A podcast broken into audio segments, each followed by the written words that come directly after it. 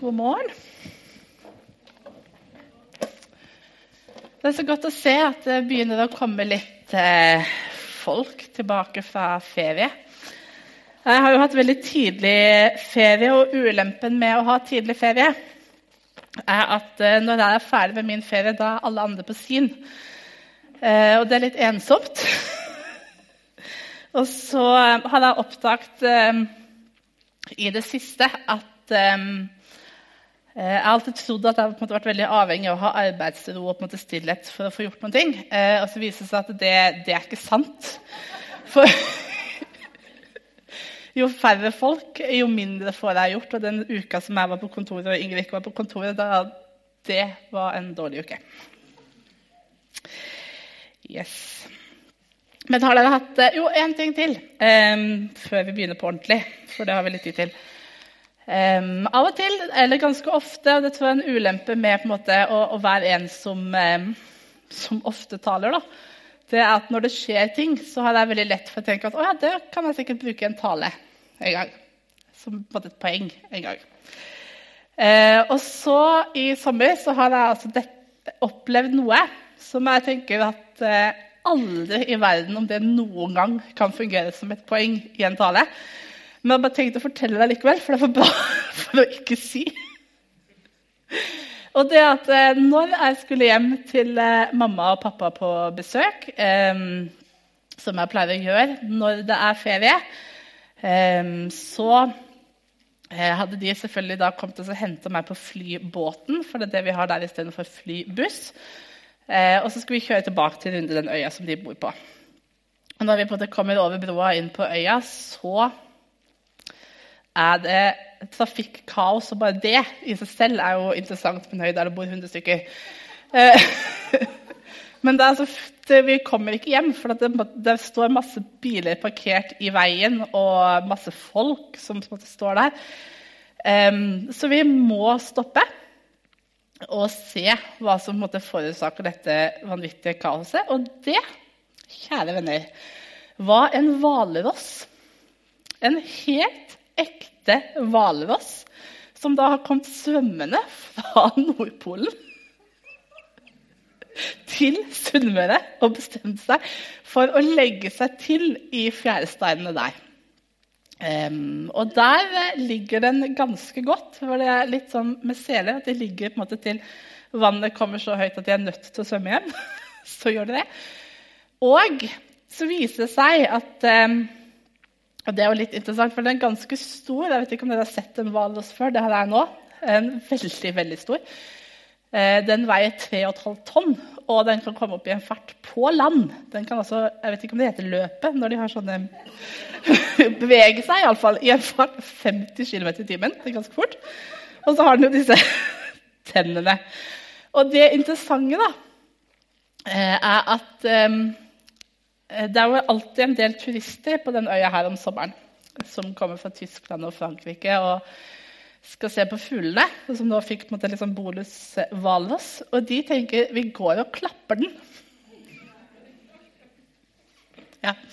Det gikk bra. Det var ingen som døde. Så det. Dette var jo en veldig god historie, og aldri om vi kunne fått den til å passe inn i en preken. Og i alle fall ikke i dag. For i dag så skal vi lese fra Lukas 8. Fordi at nå følger vi igjen kirkeårets tekster. Og det er jeg stort sett veldig fornøyd med, fordi det gir oss en god flyt i kirkeåret. og Vi får lest noe fra Det gamle testamentet og noe fra Det nye testamentet, og vi får fest og vi får hverdag. Men så er det noen ganger hvor jeg tenker at hva har de tenkt her? Og i dag er en sånn søndag hvor jeg har begynt å forberede meg. tenker hva Nøyaktig hva var planen? Fordi at i Lukas 7 slutter med fortellingen om eh, kvinnen som kommer inn hos Simon fariseeren eh, når han har fest. Og Det er jo en fortelling som vi ofte har hørt kanskje, og lært helt fra søndagsskolen om hun som vasker eh, Jesus sine føtter med tårene sine og tørker dem med håret. Fin fortelling som man kan si mye om. Og rett etter at vår tekst slutter, så kommer lignelsen om såmannen.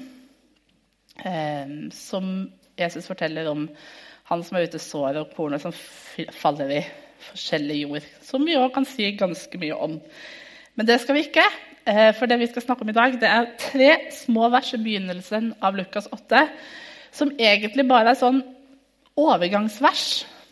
Som på en måte gir fortellingen en flyt. altså Nå har vi på en måte vært hos Simon, og så skal vi ha en eh, eh, lignelse. Og så må vi på en måte bare si noe om hvor disiplene er, og Jesus er, og hva de holder på med akkurat nå.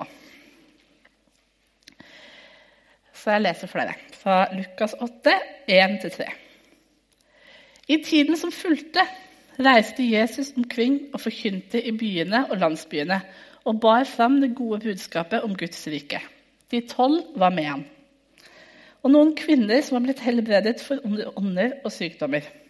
Det var Maria med tilnavnet Magdalena, som sju onde ånder hadde fart ut av.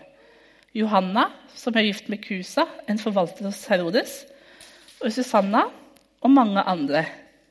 Med det de eide, hjalp til Jesus og de tolv.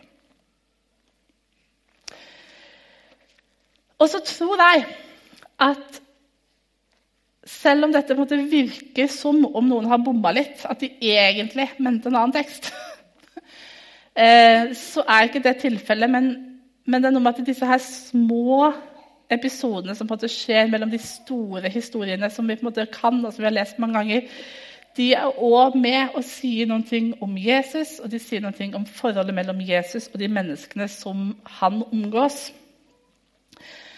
Og som vi jo lett blar forbi. Altså, jeg har sikkert bladd forbi den teksten her tusenvis av ganger. Tenkt at eh, nå er vi ferdig med en historie, og så begynner snart den neste. Um, og så har jeg tenkt mye på denne teksten.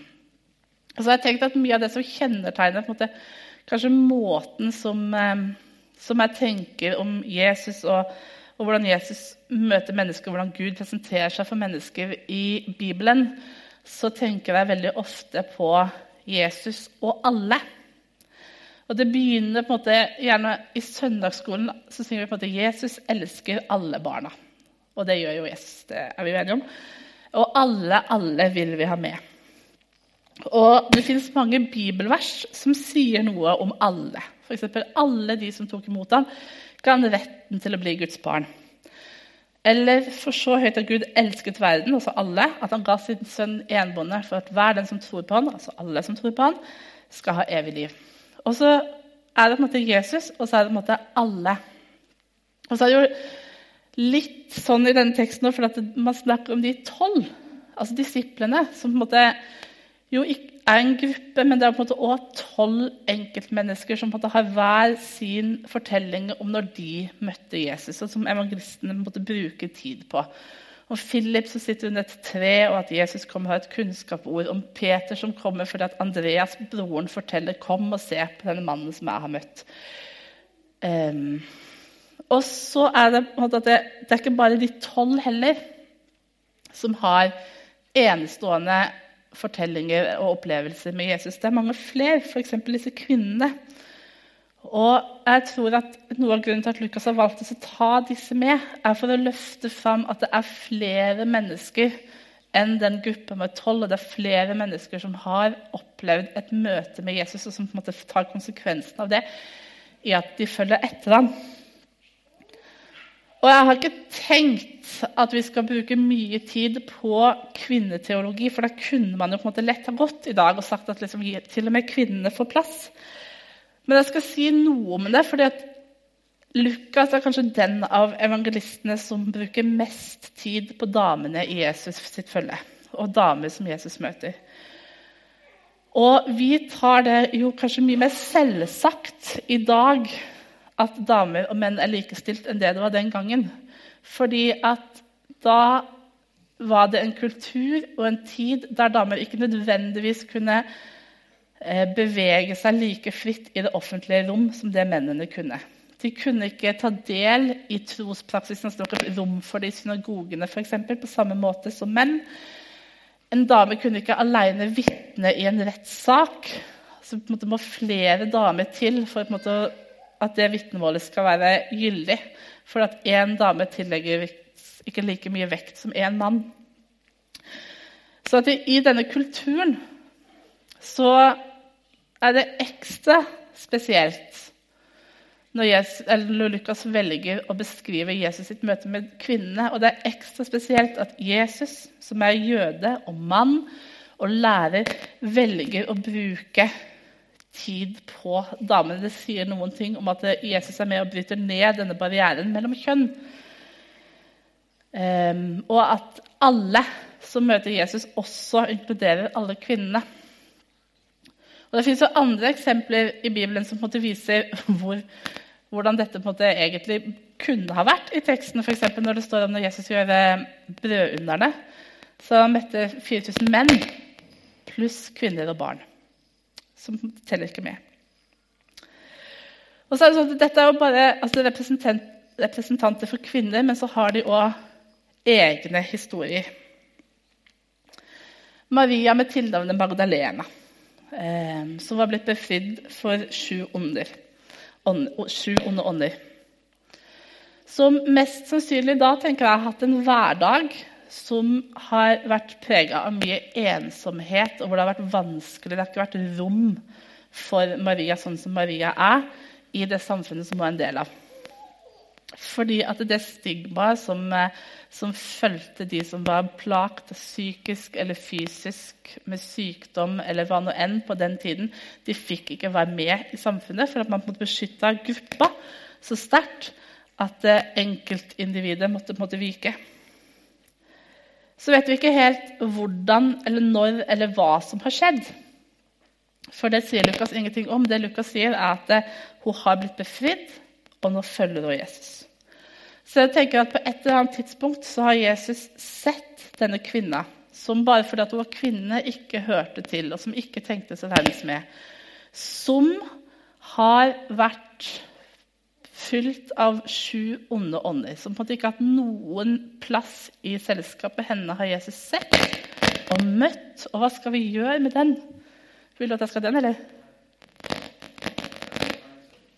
Den, ja.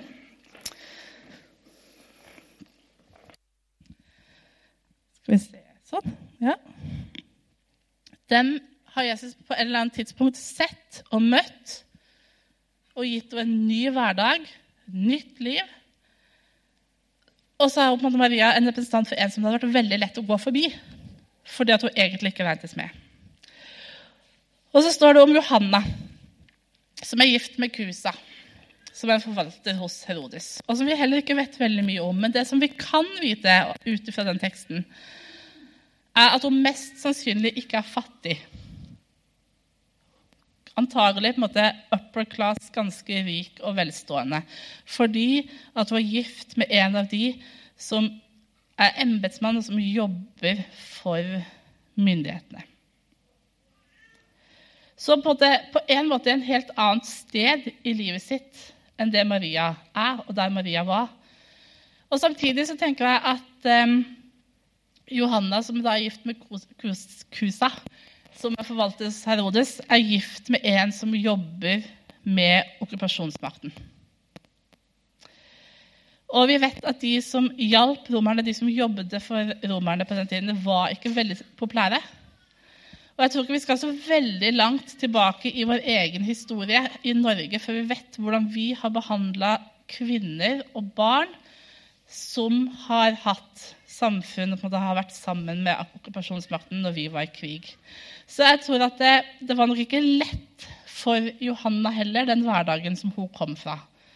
Eh, selv om økonomisk sett kanskje eh, var på et annet sted. Eller selv om hun hadde en verdighet og en annen plass i samfunnet, så tror jeg at hun nok bærer, eller bar på sine sår og på en måte kommer med en smerte og et levd liv.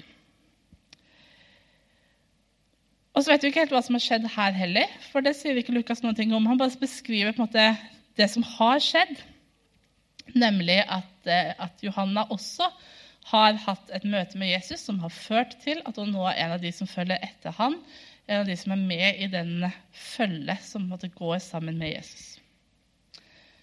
Og Bibelen sier veldig mye som sagt, om alle. Og så er det veldig lett å på en måte plassere seg sjøl på utsiden av alle. Og da tror jeg at disse kvinnene som er nevnt i denne teksten, her kan være eksempler på å gi oss både håp for å vise oss at Jesus ikke på en måte bare forholder seg til folkemengden eller på en måte de tolv eller grupper, men at Jesus alltid forholder seg til enkeltmennesker. Da han forholder seg til meg og til deg og til alle som om det var den ene. Og så tror jeg også ofte at vi tenker at eh, det kan ikke Gud ha tid til, eller Gud glemmer oss, eller at hvis Gud hadde visst alt om meg som jeg vet, så hadde han på en måte sett vekk fra meg. Og da syns jeg det er fint at en av de tekstene som vi på en måte leser sammen med denne teksten på denne søndagen, står i Jesaja 49. Fra vers 13 står det:" Juble, du himmel, og gled deg, du jord. Bryt ut jubel, dere fjell. For Herren trøster sitt folk og er barmhjertig mot sine hjelpeløse. Sion sier, 'Herren har forlatt meg, Herren har glemt meg.' Men kan en kvinne glemme sitt diende barn, en omsorgsfull mor det barnet hun bar? Og selv om de skulle glemme, skal ikke jeg glemme deg. Så jeg har tegnet deg i mine hender, og dine murer er alltid foran meg. Kan en kvinne glemme sitt diende barn? Og jeg vet at jeg har stått her en søndag og fortalt om når pappa glemte å hente meg etter barnekor. Så det er klart at foreldre kan glemme barna sine en liten stund. Eller iallfall hvor de er. Eller at de skulle ha henta dem. Men så vet vi òg at den bindingen som er mellom foreldre og barn, kanskje aller sterkest mellom mor og barn, den er så sterk at man kan ikke glemme. Og iallfall ikke så lenge man dier. Nå har vi mange små barn her i dag, og mange foreldre som fremdeles ammer. Og som vet noen ting om at når man har et barn som drikker melk, og det barnet er sultent, så bare må man. Altså kroppen til dama og kroppen til barnet gjør seg klar. altså Man får melkespreng, og det er ubehagelig og det er vondt å glemme et diende barn. Sånn at det, når Gud spør gjennom profeten kan en kvinne glemme sitt diende barn, så er svaret, som sikkert alle mødre vet, nei. Altså, da må man aktivt velge å ikke forholde seg til det kroppen forteller med hele seg. Og Allikevel sier Gud at men skulle kvinnen glemme, så glemmer ikke jeg deg. Fordi at jeg har tegna deg i mine hender. Jeg vet hvem du er. Og det er sant ikke bare for eh, Maria og for Johanna og for Susanna eller for de tolv. Det er sant for alle andre mennesker som Gud har skapt og elska fra verdens begynnelse til i dag, og alle de som kommer. Og det er sant for meg, og det er sant for deg. Og Gud vet hvem du er, og han kjenner deg han kjenner din identitet, og det er rom for hele deg og hele meg hos han. Uansett hva som er vår forhistorie, så er det rom hos Gud for oss. Og så Det var det første. Så kom vi til det andre. At resultatet hos kvinner når de har opplevd dette, det er at de begynner å følge etter Jesus. Og jeg tror ikke de har noe valg. Jeg tror de bare må. Jeg tror at den opplevelsen av å bli sett og møtt er så sterk at, eh, at det er helt naturlig for dem å legge fra seg alt det som de har av eh, velstand, kanskje, for Johanna sin del, eller absolutt ikke har for Maria sin del, å begynne å følge etter Jesus og gi det de har, mye eller lite, til han. Det står at de tjente Jesus og tolv med alt de hadde. Og helt ifra Bibelen sin første side så er vi mennesker invitert til å være med i Guds plan og i Guds arbeid. Det er det Gud har tenkt helt fra begynnelsen av. At vi skal være forvaltere av det skaperverket som han har skapt. Og Seinere, etter syndefallet, så velger han, sender han eh, konger og profeter og dommere. Ja, han velger seg ut et helt folk. Han bruker veldig mange mennesker for å formidle sin plan og sin tanke til verden omkring. For at Guds plan og tanke hele tiden er å gjenopprette den relasjonen som gikk stykker. Og så vil han at vi skal være med og gjøre den jobben foran og sammen med han. Og det er det de holder på med, disse kvinnene i denne tekstavsnittet. Og disiplene og Jesus. De går omkring, og de forkynner de gode nyhetene, evangeliet om Jesus. Og så står det jo om de kvinnene at de var med, og de hjalp med det de hadde, enten det var mye eller lite. På samme måte som vi er invitert med til å være med og hjelpe til, enten det er mye eller lite, med det som vi har. Så på mange måter så er de forbilder for oss, disse damene. Fordi at de har opplevd at Jesus har møtt dem, og så har de begynt å følge etter ham. Og så tjener de med det som de har. Og så har Bibelen mange eksempler på at vi skal gi av tida vår, av ressursene våre, pengene våre, det som vi har. Og det tror jeg at vi som kristne kalte alle sammen å bidra med. Og så tror jeg at vi fort begynner å tenke bør og burde og skal og skulle, og så blir det en sånn byrde. Og så kjenner vi på litt dårlig samvittighet for at vi tenker at vi må gjøre mye mer. Dette er så viktig at vi burde gjøre mye mer. Og så orker vi ikke, klarer vi ikke, jeg vet ikke hva. Men så blir det på en måte en sånn ekstra byrde som vi bærer på. At kanskje Gud egentlig forventer at vi var litt flinkere.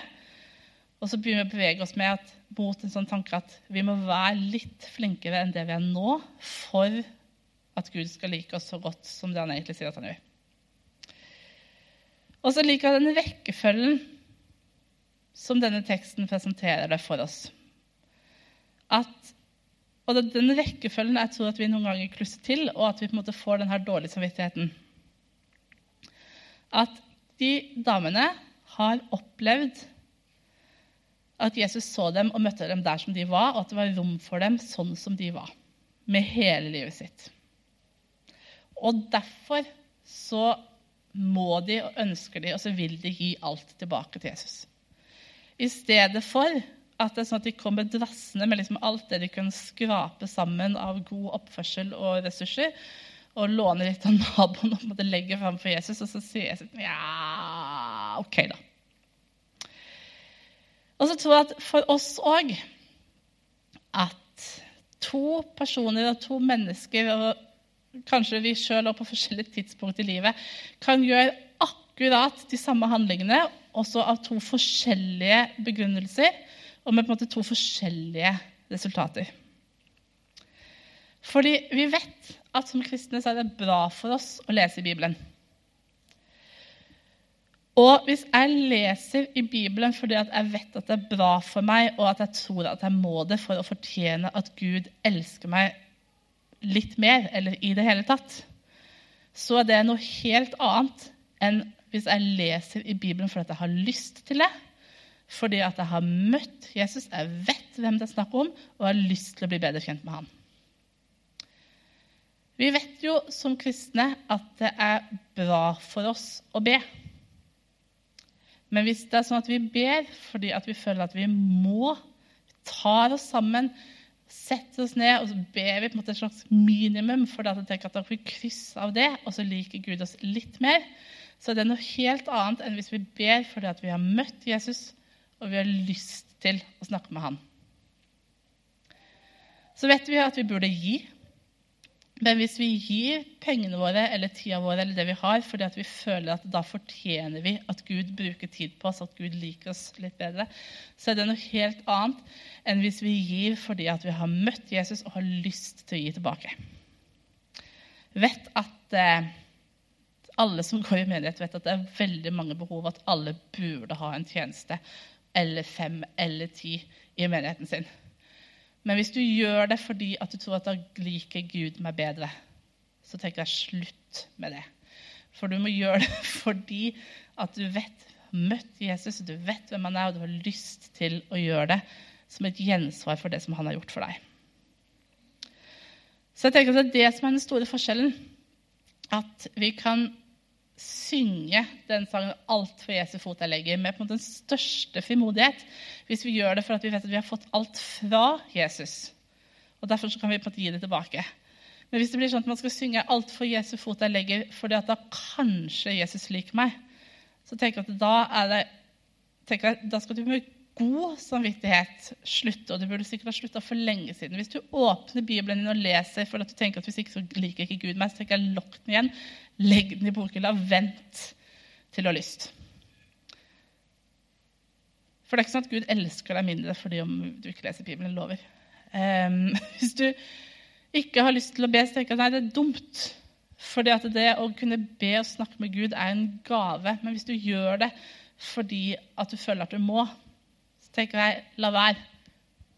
Vent til du kjenner at nå har jeg lyst til å bruke tid sammen med Gud, min far, som elsker meg. Hvis du gir fordi at du føler at du må, så tenker jeg at eh, ring oss på kontoret på tirsdag og si at du ikke vil ha det avtaletrekket lenger. For det er ikke verdt det. Vent til du tenker at eh, jeg har lyst til å gi disse pengene. Hvis du har en tjeneste i menigheten for at du tenker at nå liker Gud meg, jeg er så flink, for jeg kommer her og har søndagsskole eller gjeter eller hva nå enn. Ja, men hvis det er for at Gud skal like deg slutt For jeg tenker det er mye viktigere å få på plass den relasjonen. Å få det på plass at Jesus vet hvem jeg er. Jeg er viktig for Jesus. Han rommer hele mitt liv sånn som jeg er, uten at jeg løfter en eneste finger. Så jeg kan Når vi får det på plass, så tror jeg at lysten til å lese Bibelen og be og gi og alt det der kommer tilbake. Så det er på en måte min oppfordring til oss i dag. Det er eh, Kjenn litt etter hvorfor gjør jeg de tingene som jeg gjør. Og hvis du tenker at du gjør det av feil grunner, så er det lov å ta en pause. Og så er det lov å si til Gud at jeg trenger at du gir meg et nytt møte med deg, så jeg skjønner hva dette egentlig dreier seg om. Og så tenker jeg at da kommer man fort tilbake. og så tenker jeg òg det motsatte, som en oppfordring til oss som på en måte kjenner at jeg har lyst til dette. Så tenker jeg at Da handler det om å på en måte finne den disiplinen og plass og rom til å på en måte faktisk gjøre det og stå i det. Men da må vi på en måte vite at det er for de viktige grunnene. Skal vi be. Kjære Jesus, jeg har lyst til å takke deg for at eh, du vet hvem vi er. Eh, og du kjenner hver eneste en av oss. og Du har visst hvem vi er helt ifra lenge før vi ble født. Det er ingen som vet mer om oss enn det du gjør. Det er ingen som kjenner oss bedre enn det du gjør. Så ber jeg om at du skal hjelpe oss å få dette på plass, og huske det stadig og minne oss på det at eh, uansett eh, hvem vi er, uansett hva vi har gjort, og uansett hva vi ikke har gjort, her, så endrer det ingenting i forhold til deg. Du elsker oss fremdeles like høyt, og vi er like viktige og like umistelige for deg. Så ber jeg om at du skal hjelpe oss til å gi tilbake av et hjerte som ønsker å gi, og for de viktige grunnene til deg av alt det som vi har fått. Så ber jeg om at du skal gi oss frimodighet til å, til å gi slipp på det vi gjør fordi vi føler at vi må. Og høre mer på oss sjøl og på deg enn eh, på alle de tusen grunnene som, eh, som sier at vi, dette burde vi gjøre. Um, og så tror jeg at da får du tid og rom og plass til å, å gjøre det som du ønsker livene våre, og så faller alt dette andre som er viktig, på plass etterpå, Herre. Amen.